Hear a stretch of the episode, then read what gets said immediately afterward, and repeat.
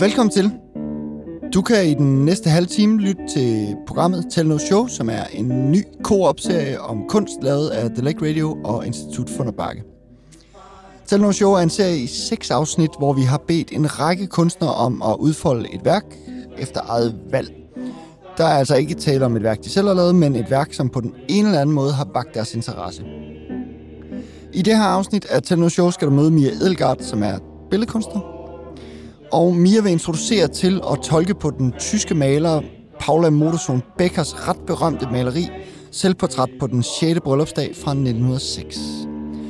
I samme ombæring kaster Mia også et blik på den samtidige og ligeledes tyske kunstner Kette Kohlwitz, hvilket selvsagt også giver lejlighed til en slags socioøkonomisk sammenlignende analyse. Og i samme ombæring bliver den måde, som kunsthistorien institutionelt har en tendens til at placere værker hierarkisk – så det er så dejligt nemt for du og jeg, kære lytter, at finde rundt i, hvad der er først, størst og bedst. Også tildelt en kritisk opmærksomhed. Vi har i programmet anvendt en del forskellige klip, og dem kan du så fremt, du synes, de er irriterende, på ingen måde ligesom give Mia skylden for, det er simpelthen Jan Høgh Strikker fra The Lake Radio og mig, Andreas Fyre fra Institut for Bakke, som har klippet dem ind. Men jeg tror kun, jeg har tilbage at sige, at nu vil jeg give ordet videre til Mia. Det er, man skal tage mellemnavnet med. Jeg hedder Mia Edelgard, og jeg er billedkunstner. Jeg arbejder hovedsageligt med video, performance, lidt med skulptur. Det værk, jeg har valgt, er et maleri, og det er ikke noget, jeg nogensinde selv har kastet mig ud i.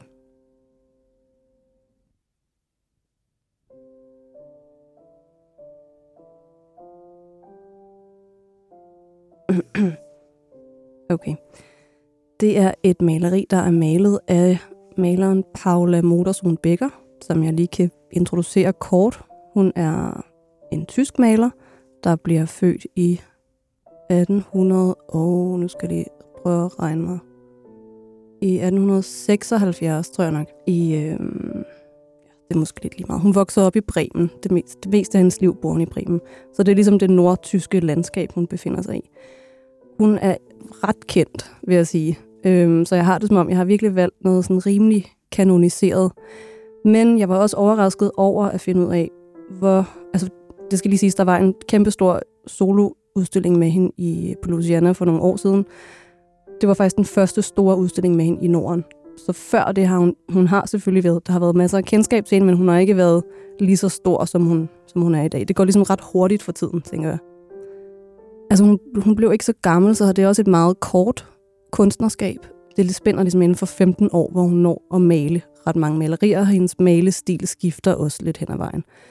Hun bliver kategoriseret som en øh, hun som ligesom repræsentant for noget tidlig ekspressionisme, vil man sige. So She is historically a very important German artist. She can be considered either a precursor to German Expressionism, uh, because there's not really an art movement of German Expressionism, or she's the first German Expressionist. Altså, der er jo nogen, der vil sige, at det var den feminiserede sfære, øhm, hvilket betyder, at det er det meget nære, hun maler. Og det er der egentlig ret mange også mandlige malere, der har beskæftiget sig med. Så det er måske, man kan sige, det er det domestiske, altså det hjemlige, og så er det nogle relationer, der er tæt på hende. Men hun har også lavet masser af portrætter fra, det, fra den egen, hvor hun ligesom bor. Og det er sådan en, Øh, den plattyske hede, tror jeg nok, man vil beskrive det som. Og det er et rimelig råt landskab på mange måder, og folk de bor eller lever på sådan en forholdsvis øh, en umoderne måde, måske sige. Hun pendler i sit liv lidt mellem Paris og mellem øh, Bremen, og der, der, der er ret stor forskel. Så, så, det er hun, så der, hvor hun ligesom bor med sin mand Otto, der, er, der, lever folk, øh, der lever folk som bønder. Og det er mange af de her bønder, hun også portrætterer. Og børn.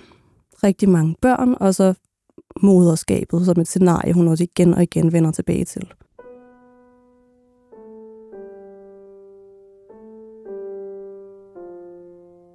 Så har hun nogle ting, der går igen på mange af hendes billeder. Det er, altså når hun laver portrætter af folk, så er det ofte, at hun giver dem en frugt i hånden, eller en blomst i håret, eller en perlekæde på. Alle hendes øh, selvportrætter, næsten dem alle sammen, der har hun en perlekæde på, og det er ofte en tung ravhalskæde. Og så er der, ja, der, så der er ligesom, der er meget af det her sådan stilleben-agtige, der ligesom bliver sådan, der er til stede i de portrætter, hun laver. Og så har hun lavet utrolig mange selvportrætter, og det er et selvportræt, jeg har valgt at tage med i dag.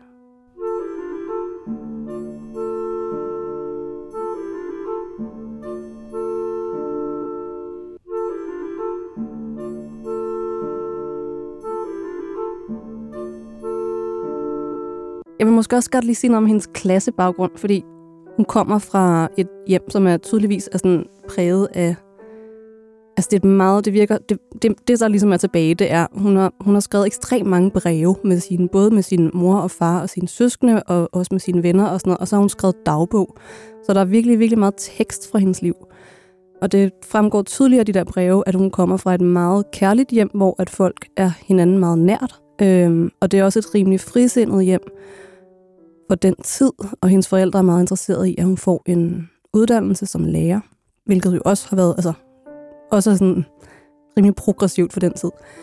Og så er de, er de sådan middelklasseagtige. Altså, de har i hvert fald ikke, de mangler ikke penge. Faren han er vist nok jernbaneingeniør eller sådan noget. Og det er også derfor, at hun har råd til at leve på den måde, hun gør. Bare lige for at sige noget også om, hvad det er for nogle, hvad det er for nogle kår, de kvindelige kunstnere, der har klaret sig på den tid, ligesom har skulle komme fra på en eller anden måde. Og der er jo også mange af de her billeder, som er sådan... Altså, jeg tænkte lidt over det, da jeg valgte det. Jeg synes, det er meget... Øh, det er sådan et bourgeois lækkert. Og det vil jeg også sige, det var i dag. Og det måske skal man også lige huske, at det er sådan... Altså nu er det som om nogle gange, når ting de har været igennem sådan nogle institutioner som Luciana, så klistrer det lidt til værkerne. Eller man har det som om, der er sådan lidt museums, Luciana Museums Shop over det her billede, og jeg er helt sikker på, at man også kan få det på køleskabsmagneter og broscher og sådan nogle forskellige ting. Det er sådan ligesom, altså det er der, vi er. Men derfor, hvis man, kan man stadig ligesom, hvis man gider at læse om det og sætte sig ind i det, så kan man stadig godt finde det, det radikale i billedet, vil jeg nu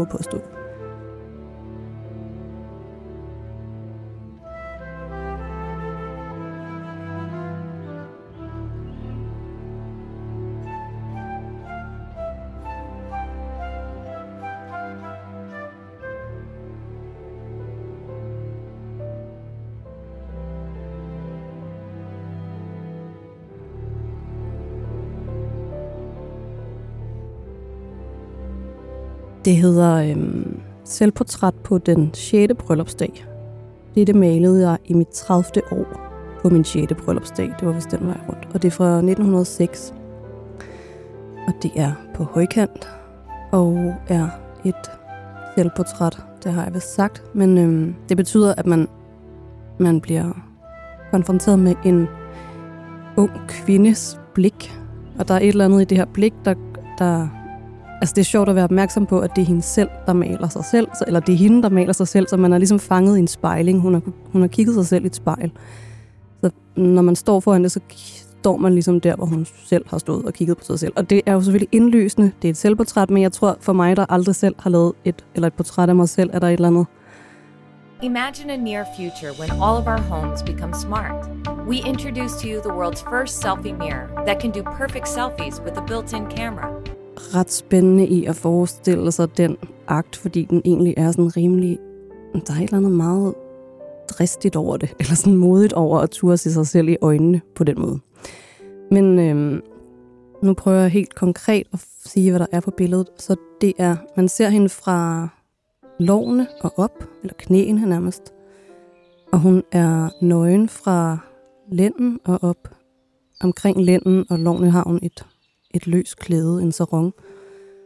Og så er hendes hår meget sirligt sat op. Hun har midterskilning, og hun har en... Jeg ved ikke. Det er ligesom sat op med enten med en flætning, eller det er samlet på en eller anden måde i, omkring hendes baghoved. Så har hun det her sådan meget karakteristiske, lidt trollede ansigt. En stor næse og store øjne. Øh, meget bleg, hvid, øh, med lidt røde kinder. Nærmest en rødbrune øjne. Og så har hun om halsen den her tunge ravkæde, som går helt ned til hendes bryster. Og hun holder en hånd under sin mave, og så holder hun en hånd over sin mave. Som er sådan en meget klassisk positur for gravide kvinder. Og ja, det skal så også siges, at hun ser gravid ud på det her billede. Hun har ligesom hendes, hun har en, en meget fin runding på sin mave. Hun ligner måske en, der kunne være i 4. 5. måned. Og så er baggrunden, den er grøn, mønstret, plettet, øh, en slags tapet. Og det er faktisk det. Og så er det malet sådan ikke sirligt. Det er ikke sådan et naturalistisk eller realistisk portræt. Det er meget sådan, det er nogle lidt hurtige strøg, lidt, øh, altså det her klæde ser nærmest lidt tjusket ud. Det er meget dejligt. Jo, men så vil jeg også lige sige, at hendes, hendes ansigtsudtryk er meget, øh, altså det er meget grænskende på en eller anden måde. Hun kigger sådan, det er som om hun er ved at undersøge et eller andet. Og hun smiler lidt, og så har hun også, er der en, jeg synes jeg, der er sådan et græn af evni i hendes blik. Eller der er et eller andet, som er sådan, som om hun bærer lidt på en hemmelighed. A woman in the culture of privileged Europeans is first and foremost a sight to be looked at. What kind of sight is revealed in the average European oil painting? There were portraits of women as there were portraits of men. But in one category of painting, women were the principal, ever recurring subject. That category was the nude. In the nudes of European painting, we can discover some of the criteria and conventions by which women were judged. We can see how women were seen. Nå, men der er skrevet rigtig meget om det her portræt. Dels fordi, at man, altså, det man har gjort siden 70'erne og op, er jo det der med at grave i kunsthistorien og finde ud af, at der i virkeligheden var rigtig mange kvindelige kunstnere, der, der kunne på samme plan som alle mulige andre. Og det, som nogle gange er lidt irriterende ved den her måde, som, som man igen går til kunsthistorien, det er, at man hele tiden skal finde nogen frem, der har gjort noget først. Så det er ligesom, at man, sådan, man rykker ikke rigtig ved systemet, man rykker ikke rigtig ved den måde, kunsthistorien er bygget op, men man tilføjer bare noget på en eller anden måde. Altså, så er det pludselig helt med Klint, der er den første abstrakte maler, eller og så videre, og så videre. Og det, som man har skrevet om, at øh, der er det første, der nogensinde er gjort i det her portræt, det er, at det er en kvindelig maler, der maler sig selv nøgen. At, og, det, og når man kigger på det herfra, i den her tid, så er der jo ikke noget sådan specielt ved det, fordi vi er så eksponeret for nøgen, nøgenhed i alle mulige grader og alle mulige steder, og især i billedkunsten også, øhm, og kvinder, der også arbejder med at repræsentere sig selv og repræsentere sin krop og øh, undersøge sin egen krop.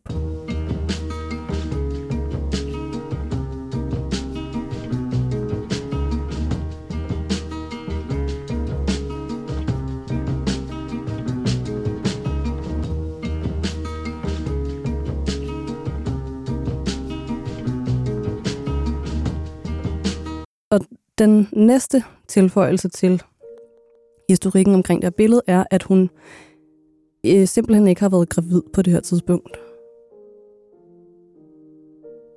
Det tilføjer ligesom endnu en, en mærkværdighed, og måske også en, et meget moderne aspekt ved øh, maleriet. Så det, som man ligesom står tilbage med, det er, at hun på en eller anden måde, man får en fornemmelse af, at hun har sat sig selv ind i en meget klassisk repræsentation af kvinden.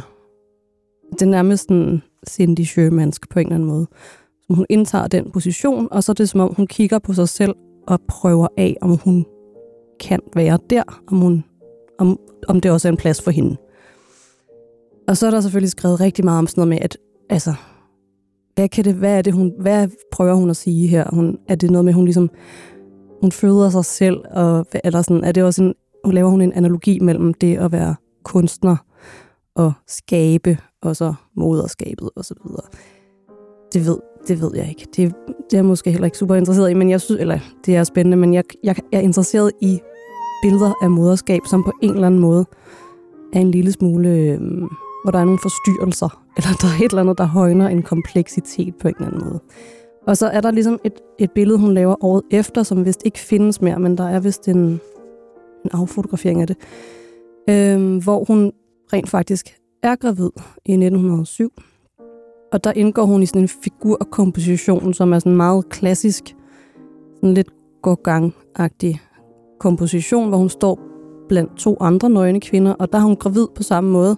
Hun ser sådan en lille smule mere sådan tvivlende ud, og hun øh, kigger ikke, hun konfronterer ikke beskueren, hun kigger ikke sig selv i øjnene, eller også i øjnene. Hun kigger sådan lidt ned. Men det er igen det der med, at hun sætter sig selv ind i en komposition, som der er kendt, og nu som gravid, og undersøger lidt, hvad, hvad hun kan i den øh, i det billede på en eller anden måde. A woman is always accompanied, except when quite alone, perhaps even then, by her own image of herself. While she is walking across a room or weeping at the death of her father, she cannot avoid envisaging herself walking or weeping. From earliest childhood, she is taught and persuaded to survey herself continually. She has to survey everything she is and everything she does, because how she appears to others, and particularly how she appears to men, is of crucial importance for what is normally thought of as the success of her life. Så det er så ikke nok med, at hun ligesom laver, altså hun er sådan, hun tager hul på det her med at, at male sig selv nøgen og repræsent, altså hun, hun altså, ja, repræsenterer sig selv og sin egen nøgen, nøgenhed og sin krop, så er det også et af det, det første portræt, tror jeg nok, af en gravid, altså det første selvportræt af en gravid, som hun laver året efter hvad hedder det, jeg kan ikke huske, det kan godt være, hun har malet nogle nøgenbilleder af sig selv inden det her. Hun har virkelig, virkelig malet mange billeder af sig selv. Altså det er ligesom, og det har jo også været sådan, det har man også diskuteret, har det været fordi, at hun har ikke har haft råd til modellerne, eller hvad har det været, men, det, men der er også et eller andet med, at det måske også har været en interesse i sig selv, som ikke bare er sådan et eller andet narcissistisk spejl nødvendigvis, men som også er sådan en interesse i, sådan, hvad er hvad er min position, og hvad er min, hvordan, hvad, altså, som måske både kan være pege på hende selv, men også på hende som kvinde i en tid, et sted.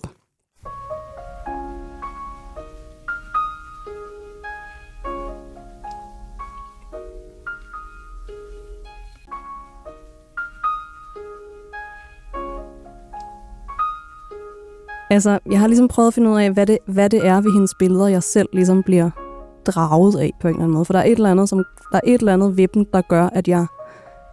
Det lyder meget banalt det her, men jeg bliver faktisk glad af at kigge på dem. Og, det, og det, det gør jeg med nogle af dem. Det vil jeg sige. Jeg kan måske lige starte med et af dem, som jeg sådan virkelig, virkelig holder meget af, og det hedder Liggende mor med barn. Og det er en, øh, det er en kvinde, der ligger, hun ligger ned og ammer. Og det, altså, der, måske handler det om, at man har set den her opstilling af moder med barn gennem kunsthistorien. Altså tusind gange. Der er jo nærmest ikke nogen maler, der ikke på et tidspunkt har været omkring det motiv. Og de er jo virkelig sjove, nogle af dem. De er jo virkelig, virkelig kunstige, eller sådan kunstige som i mærkelige, og ser fuldstændig... Altså man kan, der er en meget tydelig distance i mange af de her portrætteringer. Og så, når man så kigger på det her billede, fra, som er fra 1907, så sker der bare et eller andet helt andet. Det er sådan en, det er sådan en helt tydelig intimitet. Og det er selvfølgelig også en helt en meget mindre yndig position, de, eller positur, de ligger i. De er meget sådan, altså meget sådan dvask, eller sådan, det er ligesom kroppe, som kroppe er. Og øh, der er også noget meget sådan væsenagtigt over dem. Altså det er ligesom, det, som om hun fremhæver det sådan, det dyreagtige ved mennesket, og ikke sådan, nu vil jeg lige sige, ikke, ikke kvinden og barnet som dyr, som de jo nogle gange blevet klassificeret som nærmere dyret end manden og ånden osv. Men her der mener jeg mere sådan det, det intelligente ved dyret, og det intelligente i omsorgen. Det er ligesom det, jeg får ud af at kigge på det der billede.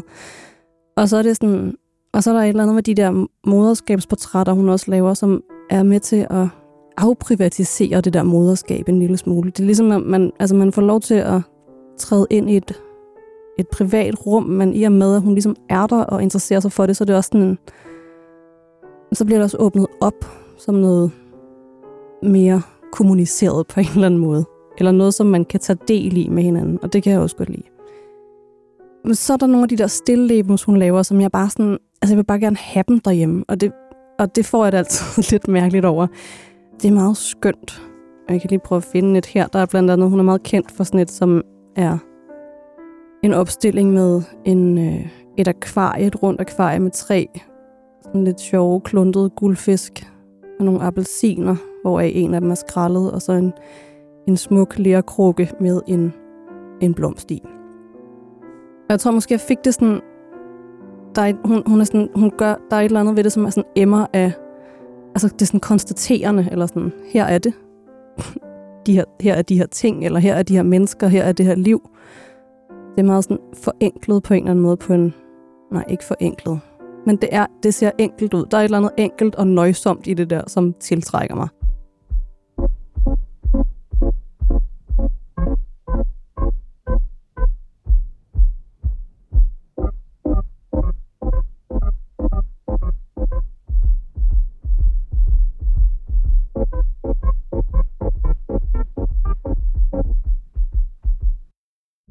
Og så var det, at jeg ligesom kom til at låne den her øh, Kate Kohlwitz bog, samtidig med at låne den her Paula Modersen bog.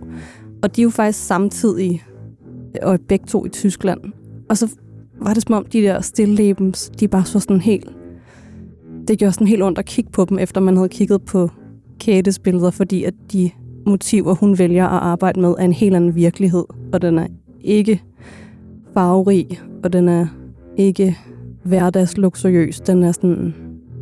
Den er bare benhård og rå, og den er fuld af død og redsel og elendighed. og den er super politisk. Og det er ikke fordi, og det er jo måske sådan et meget sådan basic livsvilkår, at de her ting eksisterer side om side. Øhm, der var bare noget spændende i at tænke over, hvad for nogle motiver kunstnere vælger, og hvordan det der stilleben ligesom er sådan indbegrebet af sådan en eller anden borgerlig opsætning af nogle flotte genstande. Men samtidig er der også alle mulige altså, filosofiske grænser i det, eller man, er, man undersøger, hvad er tingen og tingen i sig selv og bla bla. Noget, jeg ikke ved særlig meget om, men jeg, ja, jeg synes bare, det er spændende, hvad det, er, der, hvad det egentlig er, der taler til en i de der, i de der billeder. Og så var der bare et eller andet spændende at kigge på de her meget, meget smukke stille lebens, og så se, at de faktisk var samtidig som Kette Kolvits serie, der hedder Elendighed, som øh, portrætterer altså den laveste arbejderklasses livsvilkår. Og, og hun, Kette, hun, hun er jo også meget, altså det er jo også meget tit moderskabet, der er en, et centralt motiv i hendes værker. Men det er altså tit et moderskab, som er, der kan være masser af kærlighed i det, men det er også tit moder med dødt barn, eller forældre, der sørger, hun mistede også selv et barn. Der, der er tit tab i det. Eller vold også, ja.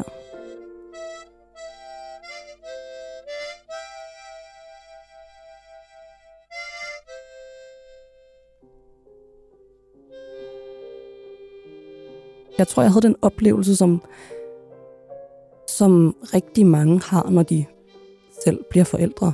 Og det var, eller er, som billedkunstner, så blev jeg måske nok konfronteret med, hvor den her erfaring er henne i billedkunsten. Jeg kan huske, at jeg lavede et værk, da jeg var gravid, som handlede til dels om at være gravid. Og jeg kan huske, at jeg tænkte, altså det var i 2016, og jeg kan huske, at jeg tænkte, kan, kan jeg godt det her? Er det sådan en totalt no-go at lave et eller andet, der tager udgangspunkt i, i moderskabsfølelser, eller i den øh, gravide krop? Og så, så efterfølgende, så har det bare været, altså nu, nu er det lidt ud over det hele, vil jeg sige. Der er rigtig, rigtig meget, og det værdsætter jeg, og jeg ved jo også godt, hvordan det er, både inden for billedkunst og litteratur, at der kan være de her, øh, altså der er jo bare sådan nogle buzzwords, og så er der lige sådan tre år, hvor det bare kører hardcore på med moderskabstema, og så æbber det muligvis ud. Ikke? Men, men, det som, men det var i hvert fald et afsæt for mig. Altså det gjorde i hvert fald, at jeg fik lyst til at kigge også kunsthistorisk på, hvor det har været repræsenteret og hvordan. Og hvad jeg, hvad jeg, kunne, hvad jeg kunne spejle mig i og så videre, men også hvad det, hvad det er for en historie, der er i ideen om moderskab, og hvad for nogle normer, der knytter sig an til moderskab og forældreskab.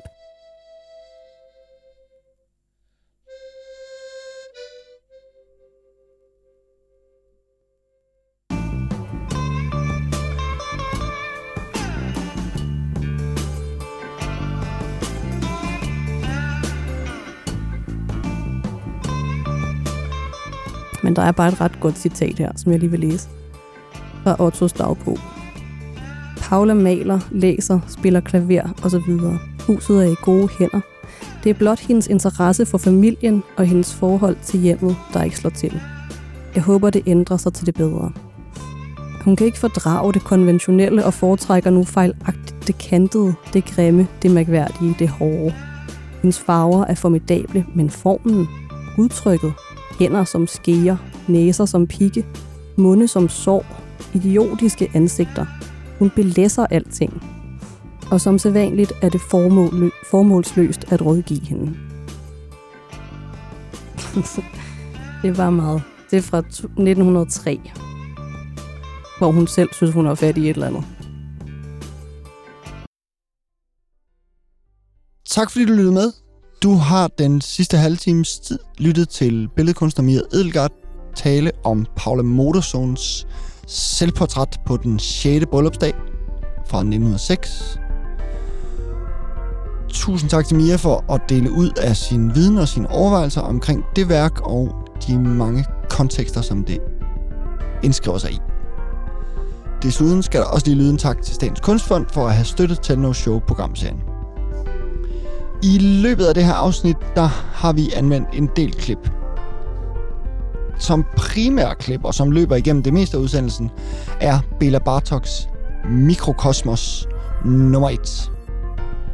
Undervejs optræder der andre klip, som dukker op af Mikrokosmos, og det første, der dukker op, det er Venmein Schatz Hochzeit Magt fra 1897, som er skrevet af Gustav Mahler, mand til Alma Mahler.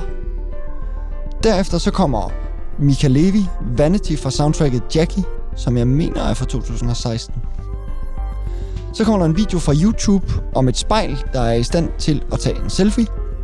Og derefter så kommer der fuglsang, Transylvanian Young Forest Morning Bird Song, optaget af Gustav Vlad, Transylvanian Morning Soundscape. Derefter så kommer der Babygråd, optaget af Friedrich Font, Recording of My Baby Pau, doing some noises while playing with his toys outside in the garden. The recording took place on the 14th of April 2019 when Pau was being 7 months old. Så kommer der et klip med Captain Beefheart and his Magic Band fra så og tracket hedder Alice in Blunderland fra The Spotlight Kit 1971. Og oven i det kommer et lille klip fra John Burgess' Ways of Seeing, anden episode, sendt på BBC i 1972. Så kommer Minnie Ripertons Le Fleur, som er fra pladen Come to My Garden fra 1970.